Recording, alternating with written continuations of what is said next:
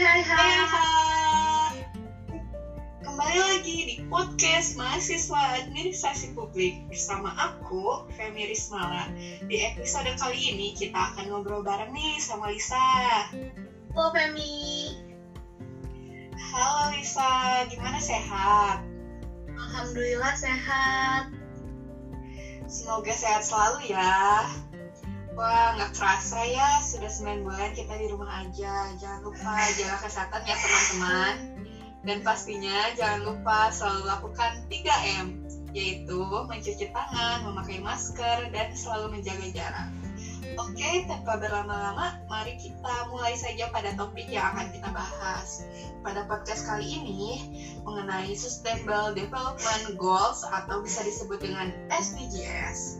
SDGs merupakan rencana aksi global untuk 15 tahun ke depan yang berisi 17 tujuan dan 169 target. SDGs ini merupakan program dari PBB yang bertujuan untuk menjaga peningkatan kesejahteraan ekonomi masyarakat secara berkesinambungan, menjaga keberlanjutan kehidupan sosial masyarakat, menjaga kualitas lingkungan hidup, serta pembangunan yang inklusif, dan terlaksananya tata kelola yang mampu menjaga peningkatan kualitas hidup dari satu generasi ke generasi berikutnya.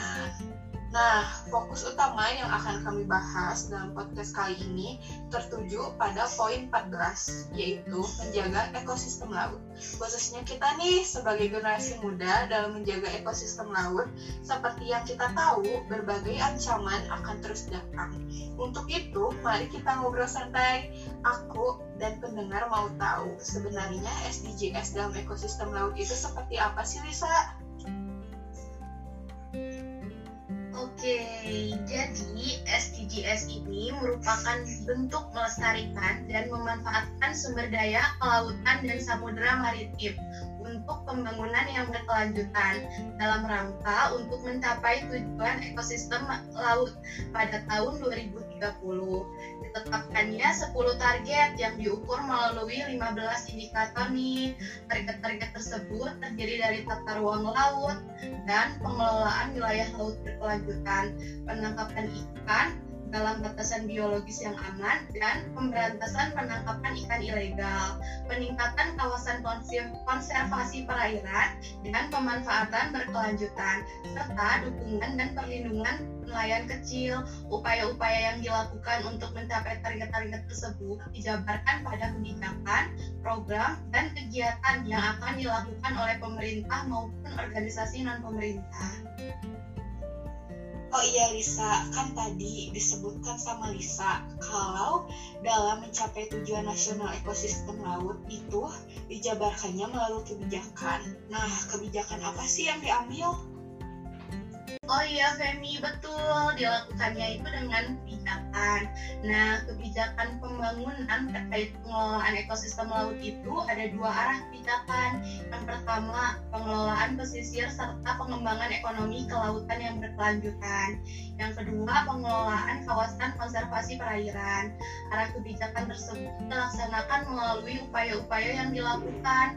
Pertama, meningkatkan tata kelola sumber daya kelautan, termasuk upaya penataan ruang laut dan harmonisasinya. Kedua, meningkatkan konservasi rehabilitasi dan peningkatan ketahanan masyarakat terhadap bencana di pesisir dan laut, termasuk penambahan luasan kawasan konservasi perairan dan penguatan kelembagaan serta efektivitas pengelolaannya. Ketiga, mengendalikan penangkapan ikan ilegal dan kegiatan yang merusak di laut. Keempat, menguatkan peran SDM nih dan iptek kelautan serta budaya maritimnya. Yang kelima, meningkatkan produktivitas, optimalisasi kapasitas dan kontinuitas produksi perikanan, termasuk alokasi yang pro proporsional antara stok sumber daya ikan serta penyediaan dan pengembangan teknologi penangkapan ikan yang efisien dan ramah lingkungan. Seperti itu. Oh iya Lisa, aku di awal nyebutin nih mengenai ancaman yang datang yang dapat merusak ekosistem laut. Seperti halnya nih uh, tentang polusi laut yang masih sering terjadi. Salah satu penyebabnya kan dari sampah plastik. Nah, menurut Lisa, sebagai generasi muda, bagaimana menanggapi hal itu? Menurut aku nih, sebagai generasi muda, menanggapi hal tersebut, polusi laut kan terjadi akibat adanya pencemaran ya, yang berasal dari sampah plastik yang Femi juga tadi sebutkan, betul? Yap, betul. Nah, kita sebagai generasi muda harus prihatin nih terhadap kondisi perairan laut, apalagi tentang sampah-sampahnya yang masih cukup banyak kita temui, yang berada di permukaan laut maupun yang berada di bawah laut. Kita sebagai generasi muda harus khawatir nih, utamanya terhadap sampah plastik ini, karena kan sifat sampah plastik ini tidak mudah terurai kan. Nah, itu tuh dapat bertahan lama sehingga sampah plastik ini itu mengandung berbagai bahan berbahaya dan beracun. Masalah pencemaran sampah plastik di laut telah menjadi masalah dunia. Salah satunya masalah besar juga nih bagi negara kita Indonesia sampah plastik dapat membunuh ekosistem laut dan meracuni binatang-binatang di laut. Sampah plastik yang terurai akan menjadi partikel kecil yang akan berbahaya dan mencemari laut karena akan termakan oleh ikan-ikan yang ada di laut maupun binatang-binatang yang ada di laut. Sedangkan sekarang nih kita kan sering banget ya makan makanan laut, contohnya olahan-olahan seafood. Femi juga sering kan Wah, sering banget nih, lagian enak. Pastinya itu enak banget kan?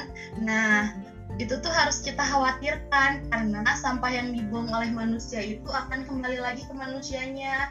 Ini sih yang harus dan sangat kita perhatikan. Pemerintah Indonesia telah menerbitkan Peraturan Presiden Nomor 83 Tahun 2018 tentang penanganan sampah laut dan memuat Rencana Aksi Nasional 2018 hingga tahun 2025 yang melibatkan berbagai kementerian atau lembaga dan Pemda. Menyikapi hal itu, pemerintah mulai melarang penggunaan kantong plastik sekali pakai lewat berbagai peraturan gubernur. Kami juga tahu kan kalau kita itu sekarang tiap belanja di supermarket sudah sering ditanya apakah kita bawa tas belanja sendiri atau tidak yang terbuat dari kain itu loh. Yap, betul Lisa. Juga suka ditanyain. Nah, itu pun menjadi salah satu upaya yang sudah dilakukan pemerintah namun mungkin dalam aksinya masyarakat masih belum sadar ya bahwa kebijakan tersebut akan berdampak besar dalam pengurangan jumlah sampah plastik. Itu pun nantinya akan berdampak juga kan pada menguranginya sampah plastik di lautan. Sebenarnya yang kita butuhkan itu kesadaran dari masyarakat untuk tidak membuang sampah sembarangan. Itu sih intinya menurut aku. Sebagai mahasiswa, yakni sebagai agent of change, harus mampu mengajak dan membawa perubahan kepada masyarakat untuk sadar maupun peduli terhadap lingkungan. Oke Lisa, sebagai penutup dari ngobrol santai kali ini, ada pesan apa sih yang ingin Lisa bagikan kepada pendengar, khususnya generasi muda dalam mewujudkan perkembangan SDGs ekosistem laut?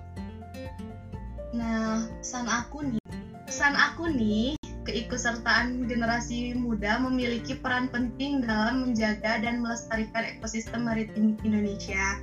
Karena generasi muda mampu bersinergi bersama masyarakat, mampu memberi perubahan dan mengajak untuk turut aksi dalam menjaga ekosistem laut dengan menyumbangkan tenaga, pikiran, wawasan, serta kemauan yang kuat agar mampu mewujudkan cita-cita bangsa Indonesia sehingga bisa menjadi poros maritim dunia. Dari dasar inilah gerakan pemuda menjadi solusi untuk ekosistem laut Indonesia yang lebih baik ke depannya.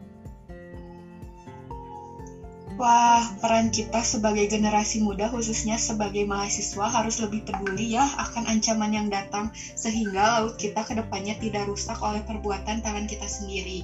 Kita harus mampu menjaga ekosistem laut agar generasi selanjutnya dapat merasakan indahnya laut Indonesia. Oke, kita akhiri episode kali ini. Terima kasih Lisa sudah berpartisipasi dalam ngobrol santai pada episode kali ini. Sama-sama Femi. Nah, terima kasih juga untuk para pendengar yang sudah mendengarkan podcast ini. Semoga ilmunya yang telah disampaikan dapat bermanfaat. See you di episode ngobrol santai selanjutnya. Bye-bye.